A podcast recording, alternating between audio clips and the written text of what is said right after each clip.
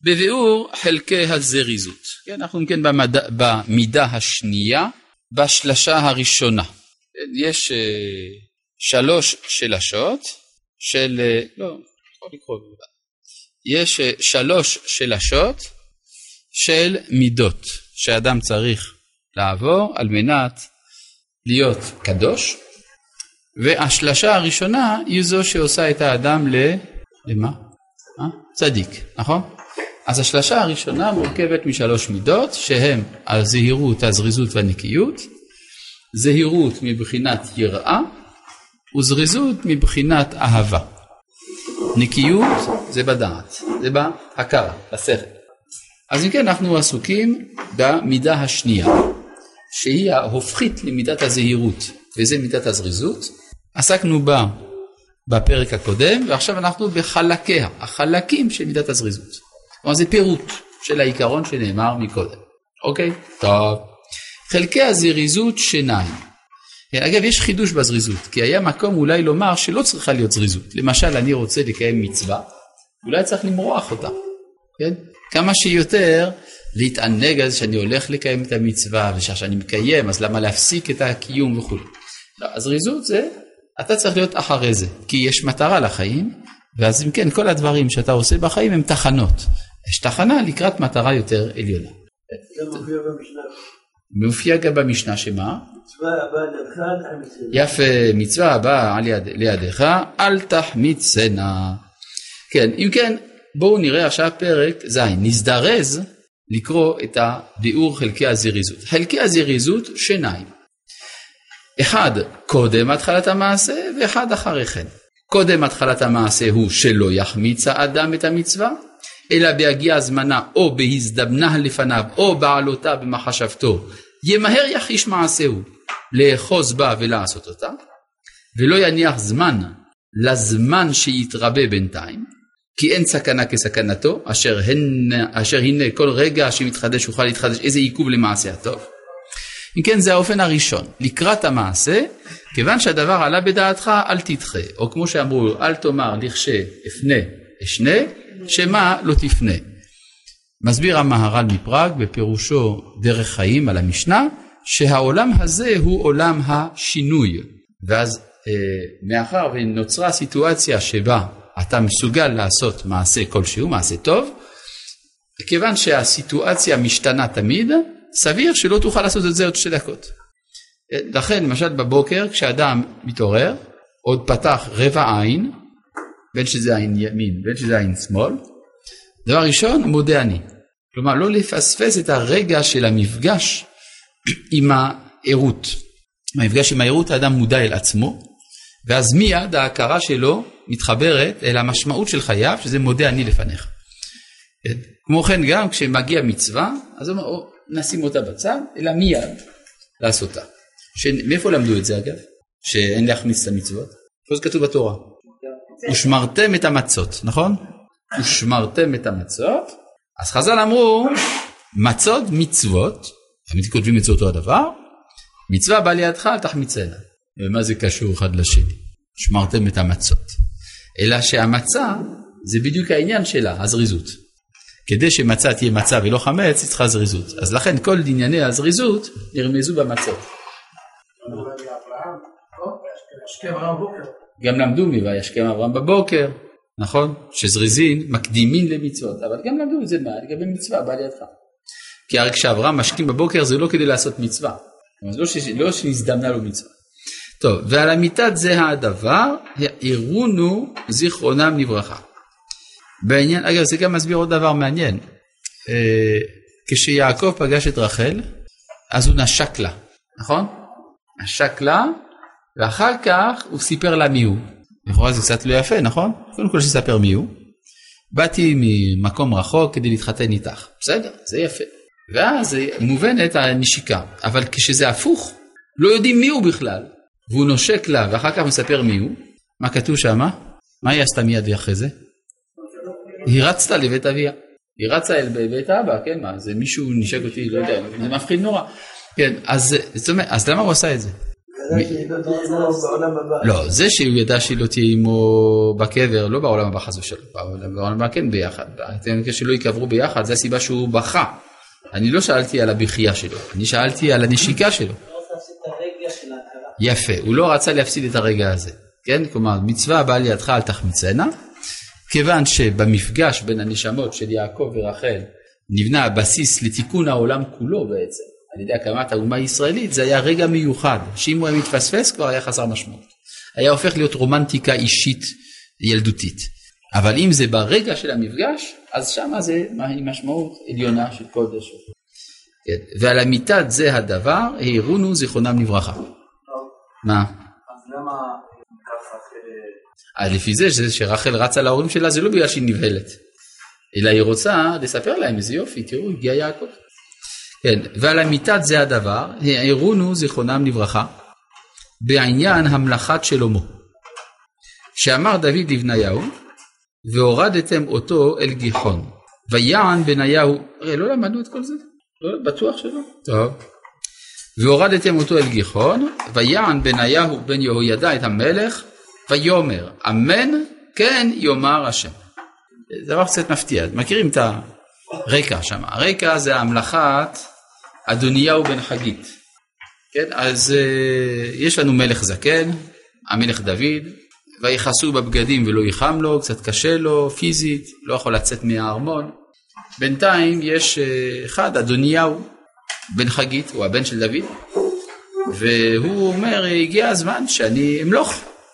אז הוא אוסף כמה חבר'ה ביחד אצל המעיין הנקרא עין רוגל, אתם יודעים איפה זה עין רוגל? זה למטה מהשילוח, כן? יש שם, היום יש איזה צינור כזה שהונח שם, אבל זה, זה מעיין עין רוגל, ושם הוא עושה המלאכה, כן? כולם תוקעים בשופר ואומרים יחי אדוני המלך אדוניהו, ויחי המלך אדוני, אדוניהו. בינתיים נתן הנביא שומע על זה, והוא אומר רגע מה זה צריך להיות, מה עם שלמה? אם אדוניהו ימלוך הוא יהרוג את שלמה ואת בת שבע. אז הוא הולך לבת שבע, הוא אומר תראי חייבים לעשות משהו כי אם לא הלך עלייך כפות כפי שרגילים לומר. אם כן את תיכנסי למלך, תתחילי לדבר, אני אכנס באמצע, נסדר את העניינים, אז הנה לבריאות, היא נכנסת לשם, גם uh, מגיע נתן הנביא, הוא אומר, אתה יודע, אדוניהו מלאך, והוא אפילו לבניהו בן יהוידע, הוא לא קרא, ואם כן יש, לצדוק הכהן, הוא לא קרא, מה? לאביתר הכהן? לא, לאביתר הוא כן קרא. לאביתר הוא קרא, לצדוק הוא לא קרא. גם לנתן הנביא, לשלמה, הוא לא קרא. בקיצור, יש פה איזה קנוניה, דוד אומר, זה לא יהיה, אני הבטחתי שלמה, יהיה שלמה. טוב, בסדר, מה עושים? צריך לעשות המלאכה לשלמה. והמליכו את שלמה באותו יום, יוצא שבירושלים, יושבי ירושלים ראו שלושה מלכים באותו יום. דוד, שלמה, אדוניהו. אתה לא יודע, כל מקום שאתה מסתובב אתה פוגש מלך. אז בקיצור, אה, ואז אה, דוד שנמצא במקום גבוה, בארמון שלו, אגב איפה הארמון של דוד? איפה בעיר דוד?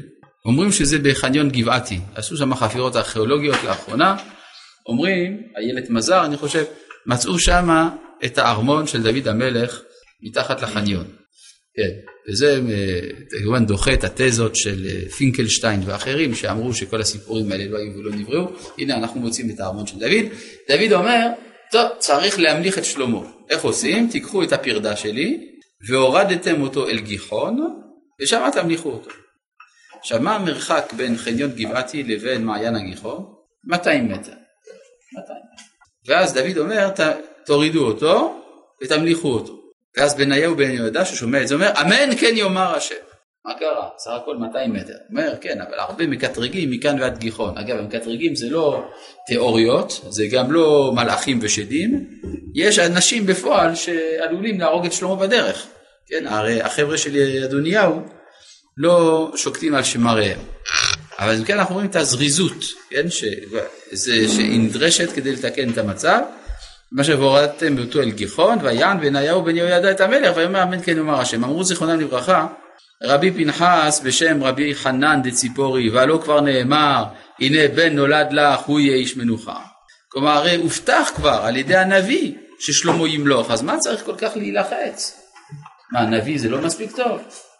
אלא הרבה קטגורין יעמדו מכאן ועד גיחו. על כן הזהירו, זיכרונם לברכה, ושמרתם את המצות. מצווה הבאה לידך, אל תחמיצנה. ואמרו לעולם, כי אתה לא יודע אם זה יתקיים או לא, כן? כמו שלמדנו במהר"ל מפראג, בגבורות השם. אנחנו רגילים לחשוב ככה, שאם הקדוש ברוך הוא, שאם אדם מבטיח נגיד משהו, אדם נותן הבטחה, אז לא בטוח שהוא יקיים. אבל אם הקדוש ברוך הוא מבטיח, בטוח שהוא יקיים. אומר המהר"ל במציאות זה בדיוק הפוך. הרי אם אדם מבטיח, הוא חייב לקיים, מה זאת אומרת? אתה הבטחת, לא? אז תקיים. אבל אה, אה, הבטחת, תקיים. לעומת זה, כשהקדוש ברוך הוא מבטיח, זה בכלל לא בטוח שהוא יקיים. הסיכוי שהוא יקיים שואף לאפס. למה? בגלל שהקדוש ברוך הוא אומר, אני כשהבטחתי לך, היית בעל זהות פלונית. האם אתה עדיין בעל אותה הזהות שאליה נתנה ההבטחה? כלומר, הקדוש ברוך הוא נותן הבטחה לעם ישראל, אבל אתה באמת אותו ישראל שדובר עליו? לכן, כדי לקיים הבטחה אלוהית, צריך הרבה הרבה שינויים לעבור. כלומר, הקדוש ברוך הוא הבטיח, אבל הוא רוצה לקיים, אבל אתה לא מי שהוא הבטיח לו, אז הוא, יכריח אותך להשתנות כדי להפוך בחזרה למי שאליו ניתנה ההבטחה, שתהיה ראוי לה. כך שלקבל הבטחה אלוהית זה לא כל כך סימפטי, זה אומר שאתה תעבור הרבה בעיות, כי יכריחו אותך להיות ראוי לזה. אבל הוא. הוא הגורם לזה, ולכן גם הוא בעצם משחק, משחק איתי, זאת אומרת, הוא הכניס אותי לתוך, המצ... לתוך המשחק, ועכשיו אני לא יכול לצאת ממנו, ואני חייב להיות אה, תואם לציפיות. ואמרו, מביא עכשיו עוד מקור, מקור אה, די מעניין, הייתי אומר אפילו מפתיע, ואמרו, לעולם יקדים אדם לדבר מצווה. כלומר צריך לעשות את המצוות כמה שיותר מוקדם. שבשכר לילה אחד שהקדימה בכורה לצעירה, זכתה וקדמה ארבעה דורות בישראל למלכות. כן, בנות לוט, הן אומרות, רגע, זה לא בסדר מה שקורה כאן, אין איש בארץ לבוא עלינו כדרך כל הארץ, אז אין ברירה, צריך להביא ילד מההורים שלנו, מאבא שלנו. כן, אז uh, הבכירה משקה אותו יין, ושוכבת עמו באותו לילה, וגם למחרת הצעירה עושה אותו דבר. ותהרנה שתי בנות לוט מאביהן, מהבכירה יצא מואב, מהצעירה יצא עמון. בשכר לילה אחד שקדמה, סך הכל זה מה, רק הבדל של לילה. קדמה ארבע דורות להיכנס בישראל, כי הרי מהמואביה, ממואב יצא רות המואביה, שהתגיירה ונהייתה אשתו של בועז, ומבועז יצא בן בשם עובד, אביו של, של מי? ידידיה. עובד זה אבא של מי? של ישי, יפה, שהוא אביו של דוד, שהוא האבא של שלמה, שהתחתן עם נעמה העמונית. כן? כלומר, יש ארבעה דורות הפרש של כניסה לעם ישראל. כל זה בזכות, מה? בין מואב לעמון, בזכות לילה אחד, מה אתה רוצה? אה, יפה, שאלה נפלאה, וכי זה מעשה שראוי להתפאר בו? מה אתה אומר? זה מעשה מעוות, אז מה בכלל אתם, זה מדבר? עשו לשם שמיים. מה זה מזעזע. כן? אם זה מזעזע, רש"י מפורש.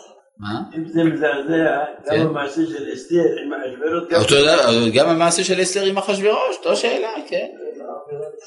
אבל שם נעשה לאשמה. מה אתה אומר? אצל אחשוורוש. אסתר עשה לשמה, זאת אומרת שגם גם- גם אצל בנות לוט זה לשמה.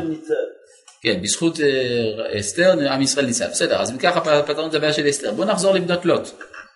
כן, בנות לוט פתאום אומרים, כל הכבוד, היא הקדימה לילה אחד. זה מעשה מתועב, מזעזע, מה פתאום, איכס. אה, נכון? כבודו יסתכל גם בכתובים, מה כן. שכתוב אצל הצעירה לא כתוב אצל הבחירה. כן, זה נכון. שיש הבדל בין הצעירה לבכירה, זה נכון. אבל בכל זאת, איך אפשר להגיד בזכות לילה אחד שקדמה? זה עוד יותר קשה, אה, זה מתחיל להיות בד- בדרך, הרי כתוב, איך היא הביאה לו יין, איך היא הביאה לו יין, מאיפה היה לה יין בכלל, כן? אז אומרים, נזדמן להם יין מגן העדן, כדי להוציא שתי אומות. אז אם כן, הקדוש ברוך הוא היה מעוניין בסיפור. אפשר לנתק את זה מזה. אה? אפשר לנתק את זה ולהגיד, בואו נסתכל על נקודת הזריזות בסיפור הזה, רואים שהזריזות יש לה תוצאות אבל כאן עצומות. בשכר, כן. אז אתה אומר שאתה אפשר לנתק. זאת אומרת, מצד אחד המעשה הוא מעשה ממש מקולקל, אבל מצד הזריזות היה בסדר. כן, מצד זה. לא שהיה בסדר, אלא אתה רואה שזה תוצאות עצומות. אז יש כמה שאלות לשאול. אפשר גם לרצוח מישהו ולמנוע אומה שלמה. זה מעשה מעוות. זה- אז זה לא- זה- כן, אתה אומר זה מעשה מעוות, אז איך בכלל לקבל את זה? עד כאן השאלות שלכם?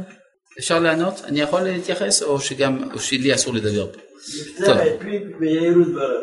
אמן כן יהי רצון. עכשיו, מה שאני רוצה לומר, קודם כל, אני רוצ- אני רוצה לשאול שאלה שתזעזע חלק מהציבור. אז אם יש אנשים פה רגישים, אפשר לצאת. טוב, ואני יכול. קודם כל, מי אמר לכם שהמעשה הזה הוא אסור? בן נוח מותר בביתו, קודם כל. זה מחלוקת תנאים. מחלוקת תנאים, אבל אל תגלו את זה לעוזרות סוציאליות וזה, זה- יזעזע את כל ה... אבל לפי מחלוקת תנאים, אבל ההלכה היא שבן נוח מותר בביתו. יחד עם זה, אף על פי שבן נוח מותר בביתו, זה מגונה לכל הדעות. למה? כתוב, וייסע משם אברהם ארצה הנגב. למה? אומר רש"י, להתרחק מלוט, שיצא עליו שם רע, שבא על בנותיו. אם כן, ובמיוחד שהייתה צריכה בשביל זה להשקות אותו יין, סימן שהוא לא היה כל כך רוצה, כן? אז זה סימן שזה דבר רע בכל זאת, למרות שהוא מותר, אבל הוא רע. אז אני שוב רוצה להבין את הסברה של בנות לוט. עכשיו, תשימו לב טוב טוב. מה? אה, אתה אומר ככה, בואו בוא ננסה להבין את הפסוק שאתה מבין. יותר ככה, שהם אמרו, איש אין בארץ לבוא עלינו כדרך כל הארץ. מה זאת אומרת אין איש בארץ שיבוא עלינו? אז אתה מהפכת סדום, אז מה? מה? היו בטוחות שחרב כל העולם? תגיד לי, מה הם עשו בצוהר? שראו שצוהר לא נחרבה? ולא עוד, מה זה, אחר הם אחר כך עולים אל ההר, נכון? בהר, אין שם חורבן, רק בסדום. מה זה הסיפור הזה? שאין איש בארץ. היו רק נשים בעולם? כן? אין איש בארץ הגון שיבוא עליהם. אין איש הגון בכל העולם? למה? איך אתה יודע שאין איש הגון? מה אי אפשר לחפש? בנות לוט זה סך הכל הם קרובות משפחה של אברהם אבינו, סך הכל זה... כן? נתתי תשובה באחד השיעורים לנושא. אז מה אתה אומר? לא לחזור על זה. רק להפנות לשיעור ששמעת. לא, אני רוצה... לי יש מנהג לחזור על הדברים שלי. יש לי מאגר, ומדי פעם אני מוציא דברים שנאמרו. כן. מה? בסדום, הרי כולם אה, היו חושבים על... אה, נו, אז מה? אה, סדום הלכה. אה, בסדר, הם אמרו אין דבר דבר בדרך כל הארץ, מה שהם הכירו, שהם באים, כמו שהם באים שם. לא ידעו שהם כל הארץ, בדרך כל- הארץ. אז למה הם חושבים שאם לא תהיה בסדר? אלא מה? צריך בואו אני אסביר לכם, פשוט מאוד. האישות בעברית אומרים לבוא אל. לבוא אל, נכון? כי ייקח איש אישה ובא אליה, נכון? הווה את אשתי כי מלאו ימיי ואבוה אליה. לבוא אל, זה הביטוי בעברית. לבוא על זה לא הביטוי המקובל. זה מופיע רק בשני מקומות בתורה. האחד פה, ואין איש בארץ לבוא עלינו, ועוד מקום אחד. רמז ספר דברים. מה? לא שומע. ייבום, נכון. יבמה יבוא עליה. מה זה לבוא על? לבוא בנוסף. כן? זאת אומרת, אדם בא על כליו. מה זאת אומרת? הוא בא עם הכלים שלו. זאת אומרת, כיוון שכבר המת בא אל- אליה, עכשיו יבמה יבוא עליה, בנוסף למת, ויבמה. אז מה הן אומרות אין איש לבוא עלינו? אין מי שייבם את אנשי סדום, כיוון שכל סדום הלכה, והן רוצות להקים שם למתים. הסדומי היחיד שנשאר עדיין בחיים, ושיכול להקים שם לסדום, זה אביהם. עכשיו צריך להבין פה, שהרמב"ן כותב שייבום לפני מתן תורה נהג בכל הקרובים, לכן גם יהודה מייבם את תמר שהיא כלתו, ולא אשת אחיו. זאת אומרת שהם התכוונו פה למצווה. עכשיו יותר מזה, הם צדקו. הם רצו להקים שם לסדום. עכשיו יש פה איזה בעיה. מעשה הייבום הוא מעשה של חסד, נכון? וסדום זה היה אנטיתזה לחסד. אז אתה עושה חסד עם מי שכל העניין שלו זה להתנגד לחסד. יוצא פה, אז, אז החסד בא להם מאברהם. הרעיון להקים שם לסדום בא להם מסדום. יוצא מזה שתי אומות, עמון ומואב, בעייתיות. שאו שהם חסד גמור או שהם סדומיות גמורה. וזה מה שכתוב, לא יבוא מואבי ועמוני בקהל השם עד עולם, על דבר אשר לא קידמו אתכם בלחם ובמים. מה, זה הכל? לא נתנו מים, אז זהו, זה... לא קידמו, לא שהם לא נתנו, רק לא קידמו. זה כזה נורא שהם לא יכולים לבוא בקהל השם? הרי יש אומות שעשו לנו הרבה יותר קשה. אלא אם הם לא נוהגות, שתי האומות האלה, בחסד של אברהם, סימן שהם כבר הגיעו לעמדת סדום. וזה מה שאומר הנביא, מואב כסדום תהיה. או מואב זה המשך של סדום. זאת אומרת שמבחינה זאת הם עשו מצווה. אז למה אברהם מתרחק מהם? אברהם מתרחק מהם בגלל שזה היה מוקדם מדי כדי לספוג את התוכן הזה לתוך האומה. כלומר אברהם אומר צריך להמתין עד ימי רות. בימי רות נקרב אותם. כן, מה? טוב, עכשיו יש פה שאלה, מה? מה? איך לא עשו המשך לסדום? בסדום עצמה לא אהבו אותו, הוא היה דווקא. איך, איך לוט הוא המשך של סדום, הרי בסדום לא אהבו אותו. כתוב ולוט יושב בשער סדום, שמינוהו שופט עליהם. הוא הסדומי מכולם. מה התכונות שלו הוא סדומיות? מה? רואים... לא, הוא סדום המתוקן. אגב, כששם אומרים לו, תן לנו את שני האנשים שבאו אליך הביתה, אומר לו, לא, אל תיגעו בהם. תיקחו את הבנות. כן? זה לא לא הכי מוצלח. לא, לא, מה? זה לא צריך להיות בן אדם, מה, נעלם את ה... נכון, זה קצת לא נורמלי. טוב, אה, בסייעתא דשמיא, שלום כבוד הרב. איך מיישבים את אין מלכות נוגעת בחברתה כמלוא הנימה, עם זה ששלושתם מלכו, ששלותם, ששלותם, מלכו באותו זמן. אה, הם לא מלכו באותו זמן. אדוניה באמת מלכותו בוטלה, ומלכות דוד הועברה לשלמה, כך ששלושתם, או שלותם, לא מלכו ביחד. טוב, כבוד הרב, זו שיטה מצוינת לראשי ממשלה. הם יאמרו שהם הבטיחו לעם במצב אחר, וזה לא אותו עם, ולכן הם לא חייבים לקיים. רעיון מצוין. נכון, זה מה שהם עושים. טוב, הלאה. לא, אבל זה מה שאני הסברתי. מדבקים, כן, דבקים בכתב של הקדוש אבל אני מסביר. כשאמרנו שהאדם צריך לקיים את ההבטחה שלו, זה בגלל שהבטחה איננה תלויה במצבו של המקבל, של המובטח.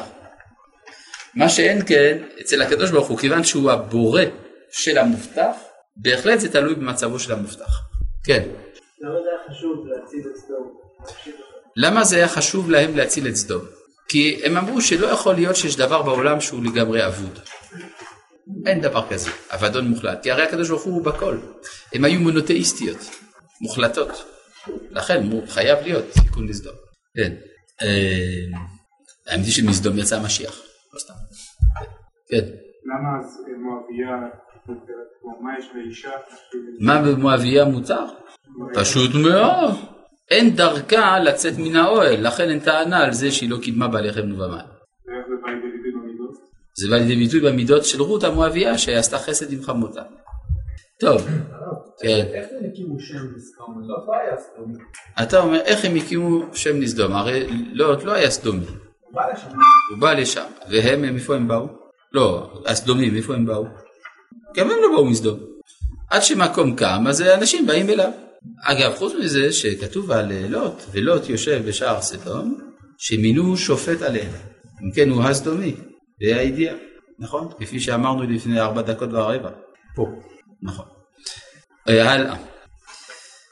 ואמרו, זריזין מקדימין למצוות. אמרו את זה וישכם אברהם בבוקר. וכן אמרו, לעולם ירוץ אדם לדבר מצווה, ואפילו בשבת. הרי בשבת אסור לרוץ. אבל לדבר מצווה רצים. ובמדרש אמרו, הוא ינהגנו עלמות בזריזות, כאילן עולמטה, כמה דעת אמר, בתוך עלמות תופפות, כן? אז עלמות מלשון עלמות. העלמות הן זריזות, כי הזריזות היא מידת שלמות גדול, אשר טבעו של האדם הוא מונעה ממנו עתה. עכשיו, למה הוא אומר שלמות גדול ולא שלמות גדולה? כי המילים המסתיימות באות בעברית אה, של ימי הביניים הן מילים בזכר, ב, כן? לכן שלמות גדול. עכשיו למה הזריזות זה, זה, זה, זה שלמות גדול? מה כל כך גדול בזריזות? שזה נגד הטבע. הטבע מכביד, הזריזות היא מעל הטבע. כן. מה הקשר לעלמות? בסדר, אני מבין שזה זריז. העלמות הן זריזות. מה?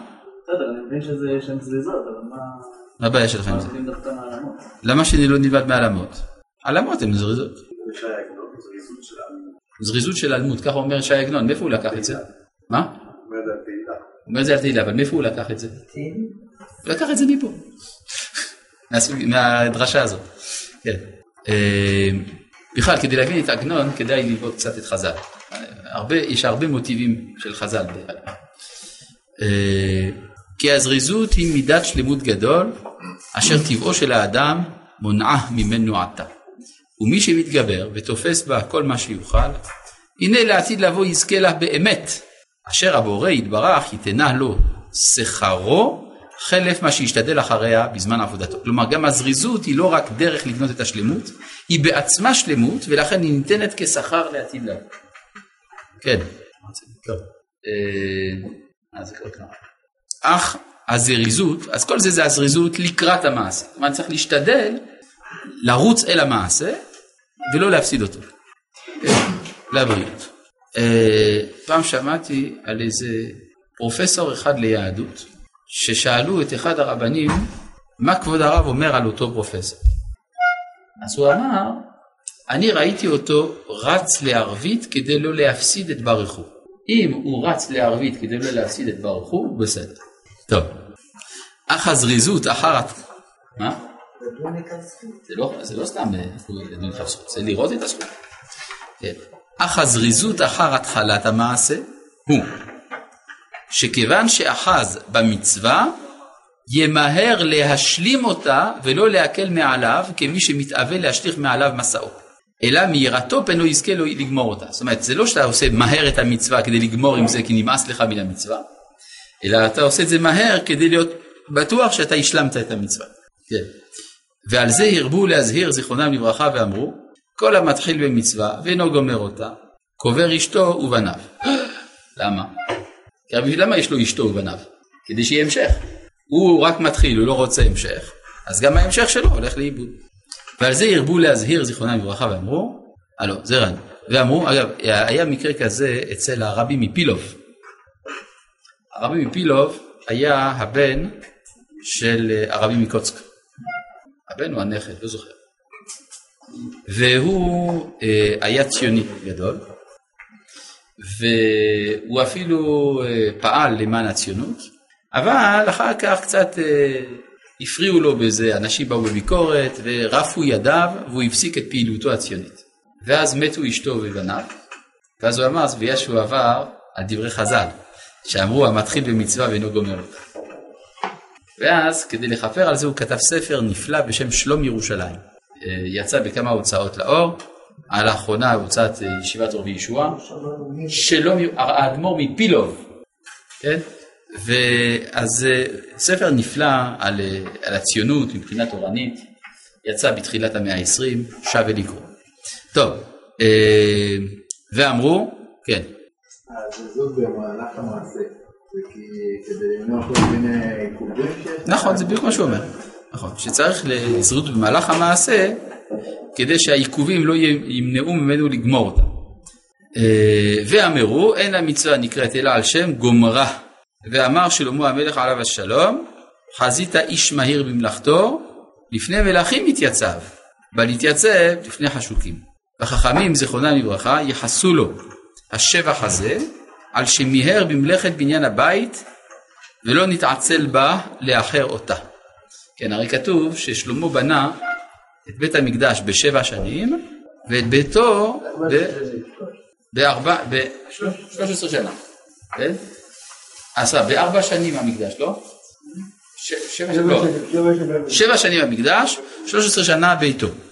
אז יש דורשים לשבח, יש דורשים לגנאי. יש דורשים לגנאי שבית המקדש עשה אותו מהר ככה חאפ לאפ, את ביתו, את ביתו הוא דקדק יותר, הביא אומנים וזה פה ושם. אבל יש דורשים לשבח, וזה הדרשה שמביא כאן רמח"ל, כי זה מה שנוגע לענייננו, לשבח שבבית המקדש נזדרז לעשות אותו מהר, ביתו שייקח 13 שנה פחות חשוב. כן. step by step. מה? step by step. step by step. כלומר צעד אחרי צעד אתה מתכוון. נכון, יפה. כן, מכאן שאתה גם יודע אנגלית. עכשיו, אה, והחכמים, זיכרונם לברכה, ייחסו לו השבח הזה, על שמיהר במלאכת בניין הבית, ולא נתעצל בה לאחר אותה. וכן דרשו על משה עליו השלום, על שמיהר במלאכת המשכן. אגב, יש עוד אה, שבח על משה שאפשר להביא, זה על מלחמת מדיין. הקדוש ברוך הוא אומר למשה, נקום נקמת בני ישראל מת המדיינים, אחר תאסף אל עמך. מה זה, כן, מה זה אחר? אחר זה מיד, אחר פירושו מיד, יש אחרי שזה מופלג, ואחר שזה סמוך. מה אמר לו? נקום נקמת בני ישראל מת המדיינים אחר תאסף על עמך, אז אם כן עכשיו יכול משה לומר, אין בעיה, אני עוד כמה שנים אנקום נקמת ישראל ואת המדיינים, בינתיים אני אחיה, כי הרי הובטח לי שאני אמות רק אחרי שאני אעשה את הנקמה הזאת. אז הוא יכול היה למרוח. ובמקום זה, מיד משה עשה את המלחמה, לא איחר את המצווה, למרות שהוא ידע שזה אומר שהוא ימות מיד אחרי זה. כבוד הרב, לכאורה, אם הוא היה שופט בסדום, הוא היה רשע, אז למה ניצל? להפך, הוא היה שופט בסדום, הוא חשב שעל ידי זה הוא יציל את סדום. זה לא עזר לו. יש אומרים על דרך הלצה שמי ששופט בסדום הוא מביא את החורבן. למה? כי בסדום, לפני שלוט היה שופט, השופטים היו מושחתים. אז אף פעם לא, לא, לא ביצעו את החוקים הסדומיים. כי תמיד היה קצת שוחד וזה סידר את הכל. אבל לוט כזה ישר, הוא לא מקבל שוחד, אז מפעילים את החוק הסדומי. הסדום התחייבה. ולכן הוא ניצל, כן. בבקשה. אה, מקלט. הנה, אה יפה, כן, שמשה הזריז שבנה שלושה ערי מקלט, למרות שהם לא קלטו בימיו. למה? אני עושה מה שאני יכול. חצי מצווה. חצי מצווה, כי זה מה שהוא יכול היה לעשות, מה אפשר לעשות. טוב, אה, אז אם כן, על משה מצאנו כמה ביטויים. כן, זה גם היה שיקול. טוב, אה, וכן דרשו על, מו- כן, וכן תמצא כל מעשיהם של צדיקים תמיד במהירות. אברהם, לבריאות, אברהם כתיב בו, וימהר אברהם האוהלה אל שרה, ויאמר מהרי, ויתן אל הנער, וימהר לעשות אותו. אגב, יש, אה, מספרים, לג- לגבי, יש, שאלה לגבי אריכות בתפילה, כן? ראינו אה, שהרבה אנשים, אה, במיוחד ראשי ישיבות וכדומה, מעריכים מאוד בתפילה. תפילה ארוכה, יש בזה מעלה, כן? שאדם מעריך בתפילתו. אבל מצאנו גם צדיקים גדולים שהיו מקצרים את תפילתם. כן? למשל המגיד ממזריץ' היה מכין את עצמו לתפילה כמה, כמה, כמה זמן, זמן רב, וכאשר מגיע הזמן של התפילה, גומר. כי הוא היה מרכז את כל המחשבות שלו בזמן קצר בתפילה שלו. כלומר, כך שאריכות התפילה היא לאו דווקא סימן ליותר כוונה. לפעמים דווקא אדם צריך לקצר כדי להתכוון. ומספרים על הרב אברום שפירא, שהיה גדולי הצדיקים בדור, כן? שהוא היה מקצר בתפילה, הוא היה מתפלל זריז. אז מישהו ניגש אליו, אמר לו, כבוד הרב, אולי ככה כדי שהבריות לא יגידו, לא יגידו שזה, לא, שכבודו לא בדיוק מתאים לציור, שקצת להאריך בתפילה. הוא אומר, אתה לא יודע כמה, אני כבר מעריך בגלל זה. כן, טוב. אה, אבל אמרו, כן בגמרא, שמי שמעריך מאוד, ש... וכולם אומרים כמה ערכן הוא זה, אומרים לו כלום, מעריך הוא יותר ממשה, שמשה יתפלל 40 יום ו-40 לילה. ואם הוא מקצר ויגידו כמה קצרן הוא זה, יגידו כלום, מקצר הוא ממשה, ש... שמשה אמר אל נא רפנה לה. כן? זאת אומרת שהכל תלוי בכוונה ולא באריכות. כן? לא צריך לעשות דאווינים שיתפלל הרבה, ארוך, קצר, בכלל לא קשור לעניין. השאלה אם יש כוונה או אין כוונה. ובלבד שיכוון ליבו לשמיים. כן. וימהר אברהם האוהלה אל שרה ויאמר מהרי ויתן לנער וימהר לעשות אותו. רבקה ותמהר ותיער כדאי לשוקת. אגב יש הסבר לגבי רבקה, הרי כתוב מתי אה, עבד אברהם הגיע? לעת הערב, לעת צאת השואבות, שזה מתי? זה לא בלילה, השואבות לא יוצאות בלילה. זה לא גם בין השמשות, אבל זה כשהשמש מאוד למטה. למה, למה אז יוצאות השואבות? כי לא חם כל כך, כן? יותר קל לעבוד כשלא כל כך חם, ועדיין לא חשוך, כי כשחשוך ממש לא נוח לשאוב, אז לעת ערב לעת צאת השואבות. מה אומר עבד אברהם? השם אלוהי אדוני אברהם, אקרנה לפניי היום. הוא רוצה שכל הסיפור הזה ייגמר היום.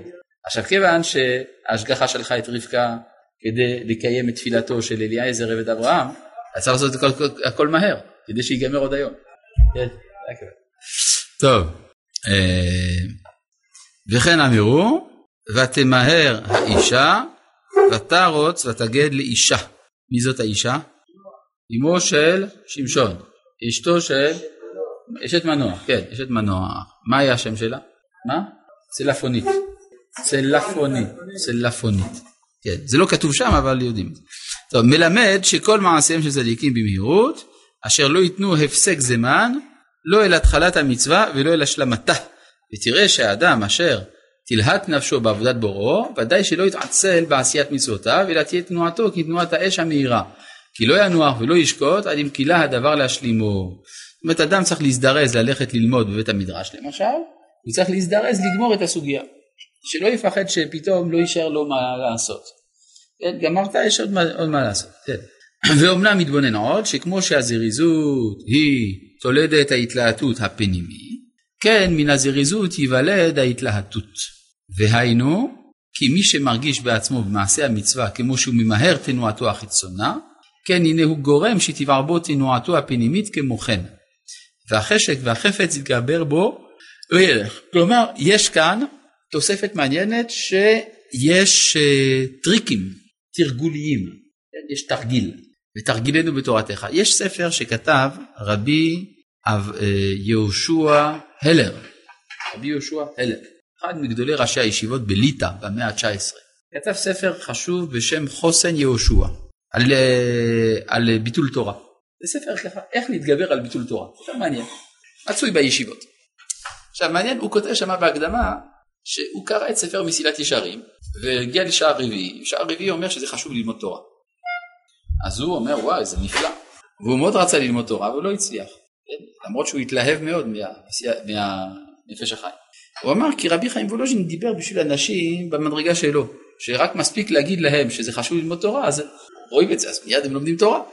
אבל אני לא כזה, ולכן יש לי כל מיני בעיות ואני רציתי לשתף את הקורא בבעיות שלי כי יש בטח עוד אנשים עם הבעיות האלה. זה ספר שהוא מלא טריקים, מלא עצות מעשיות כיצד להתגבר על ביטול תורה. ספר חמוד כזה, כן? חוסן יהושע. מה? דוגמה אין לי כעת, לא זוכר, אבל אה, שם זה ספר מלא בעצות איך להתגבר על לימוד תורה, על אה, ביטול תורה. מה? יש מן הסתם בספרייה, כן, במדפי ספרי המוסר. אגב, יש לו שם עוד כמה ספרים, הדפיסו ביחד עם זה עוד כמה ספרים שלו, פירוש על מסכת אבות שיש לו, דרשות שיש לו, דברים מאוד יפים. אז אה, עכשיו למה אני מספר לכם את זה? בגלל שאנשים יגידו, מה זה לא בשבילי, מה, אני אחד כזה אידיאליסט, אני לומד גם בלי הטריקים. אז תדע לך שמגדולי האידיאליסטים שבדור הקודם, הוא כן אמר שצריך טריקים. אז זה מה שאומר גם פה רמח"ל. ההתלהטות החיצונית מביאה גם את ההתלהטות הפנימית. יש כל מיני דרכים לעשות. למשל, התנועה הפיזית. אם האדם יושב לו בכורסה בנוח, אתם יודעים מה, מה זה אדם שנמצא מול הטלוויזיה עם פופקורן ובירה, איך קוראים לדבר כזה? שמן מסך, כן? אז זה, אה, זה מה שאומר כאן הרמח"ל, אחי מתנהג בכבדות בתנועת איבריו, גם תנועת רוחו תשקע ותכבה. וזה דבר שהניסיון יעידהו. מי הניסיון? לא צריך להביא הוכחות לזה, במציאות רואים את זה. ואומנם, כבר ידעת שהנרצה, לפי זה גם יש חשיבות להתעמלות ושאר מעשה זריזות של האדם. ולכן אה, יש גם ערך אה, מוסרי לא להיות שמן. לפעמים יש מחלה, לא עלינו, אבל להיות שמן זו מידה רעה. כי זה אומר שאדם נותן לכבדות לבריאות. זה אומר שהאדם נותן לכבדות הטבע לגבור על נפשו. כן. ואומנם כבר ידעת שהנרצה יותר בעבודת השם ובעבודת הבורא יתברך שמו הוא חפץ הלב ותשוקת הנשמה. והוא מה שדוד המלך מתהלל בחלקו הטוב ואומר כי אייל תערוג על אפיקי מים כן נפשי תערוג אליך אלוהים צמאה נפשי לאלוהים לאל חי מתי יבוא ואראה פני אלוהים נחשפה וגם קלטה נפשי לחצרות השם צמאה לך נפשי, קמה לך בשרי. כלומר, אנחנו רואים שדוד דיבר על זה שהעבודה הרצויה היא מתוך ההשתוקקות. ואולם האדם אשר אין החמדה הזאת לוהטת בו כראוי, מה יעשה? אה? דוד המלך היה כזה, אבל אני לא כזה, מה אני אעשה? עצה טובה היא לו שיזדרז ברצונו, כדי שיימשך מזה שתיוולד בו החמדה בטבע. כי התנועה החיצונה מעוררת הפנימית. ובוודאי שיותר מסורה בידו היא החיצונה מהפנימית. אך אם ישתמש ממה שבידו, יקנה גם כן מה שאינו בידו בהמשך. כי תיוולד בו השמחה הפנימית והחפץ והחמדה מכוח מה שהוא מתלהד בתנועתו ברצון. בספר שער המצוות לארי ז"ל כתוב שכל מה שהארי זכה לו במדרגות רוחניות זה בגלל דבר אחד פשוט. הוא קיים את כל המצוות בשמחה. אם אתה מקיים בשמחה אתה זוכה לכל המעלות. זה מעניין כי זה פה לא מיסטיקה, כן? הרי יש לכם יותר מיסטי מהארי ז"ל? לא, אבל המיסטיקה הזאת היא תלויה בדבר הרבה יותר פשוט, בשמחה, בפתיחות. נכון, תחת השם עבודת השם, מה אתה אומר? אתה אומר שהוא מבסס את זה על פסוק מפורש בתורה, עבדו את השם בשמחה ובואו לפניו במעלה. יש לי קושייה עליך. אתה אמרת שזה פסוק בתורה, זה לא פסוק בתורה. בתהילים, יש הבדל. תהילים זה לא תורה. אה? אה, תחת אשר לא עבדת את השם אלוהיך בשמחה ובטוב לבב מרוב כל. יש אה, שאלה, רבי נחמן ברסלב אמר שיש מצווה גדולה להיות בשמחה תמיד. ושאלה איפה הוא מצא את זה. איפה יש מצווה להיות בשמחה תמיד? יש למשל ושמחת בחגיך, ושמחת בכל הטוב אשר נתן לך השם אלוהיך. אבל זה שיהיה בשמחה תמיד, איפה כתוב שיש מצווה כזאת? אה? מה? תחת אשר לא עבדת את השם אלוהיך בשמחה ובטוב לבב, זה לא כתוב שזה מצווה. יותר מזה, הפשט של הפסוק זה תחת אשר לא עבדת את השם אלוהיך כשהיית בשמחה ובטוב לבב, אז ועבדת את אויביך בחוסר קול וכולי. זאת, מה? וביום שמחתכם, אז סימן שלא כל יום. דווקא זה הראייה. לא, זה לא כל יום. וביום שמחתכם אלו השבתות. זה כתוב בספרי. אז איפה מצאנו שיש מצווה להיות בשמחה תמיד? מה? לא צריך להגיד את זה כמו שהן מידות בתורה. אז אתה לא צריך להגיד. אז אם לא צריך להגיד, אז זה לא מצווה. זה לפני המצוות. אבל אז למה הוא אומר מצווה? אז ראיתי אחד מחסידי ברסלב בשנות ה-40, רב אפריימל קראו לו, ליד ירושלים. כתב ספר עונג יום טוב. שם הוא שואל, מניין לא לרבנו עד אה, מצווה גדולה לשמחת הלב? מניין לא? אז הוא אומר דבר מאוד מעניין, הוא אומר שאם אדם לא בשמחה, אז הוא עלול גם להיות עצוב. אם הוא עצוב, הוא עלול גם להגיע לדיכאון.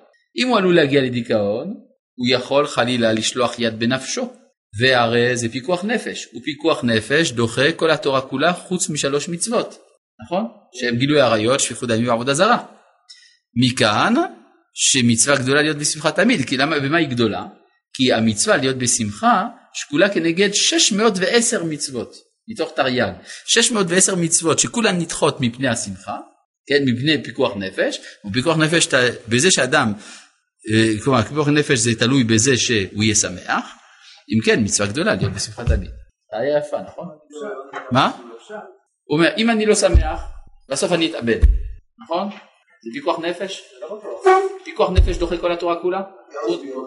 סכנת חיים. כי אם אני להתאבד, יודע מה זה להתאבד? כן, לא דווקא בצורה הזאת, יש כמה אופנים. זה שאתה עושה ככה, זה שאתה חושב שאקדח זה הדרך הכי טובה, יש כמה דרכים. אפשר לקחת רעל, אפשר להתעלות, יש כמה דרכים. אה, על כל פנים, אה, אז זה יוצא לפי זה שזה פיקוח נפש.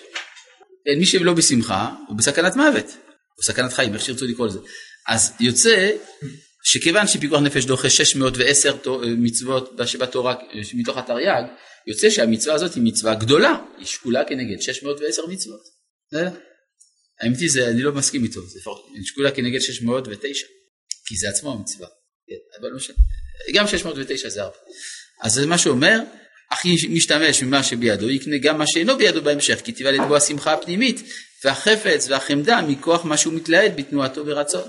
והוא, מה אתה רוצה להגיד? התנועה החיצונית זה הטריקים שהוא עושה. כן, הוא עושה מהר, הוא עושה מהר.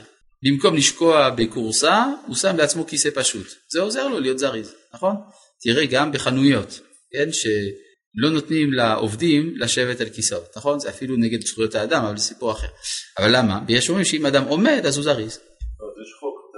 עכשיו יש חוק שאוסר את זה. טוב, והוא מה שהיה הנביא אומר, ונדעה, נרדפה לדעת את השם, שמכאן שרצים אל בית הכנסת, וכתוב, אחרי השם ילכו, כאריה ישאג.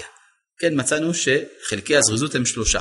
האחד לפני המעשה להזדרז את המעשה, האחד אחרי המעשה, והחלק השלישי זה אה, שההתלהטות החיצון מוליד את ההתלהטות הפנימית. עד כאן להיום, שלום.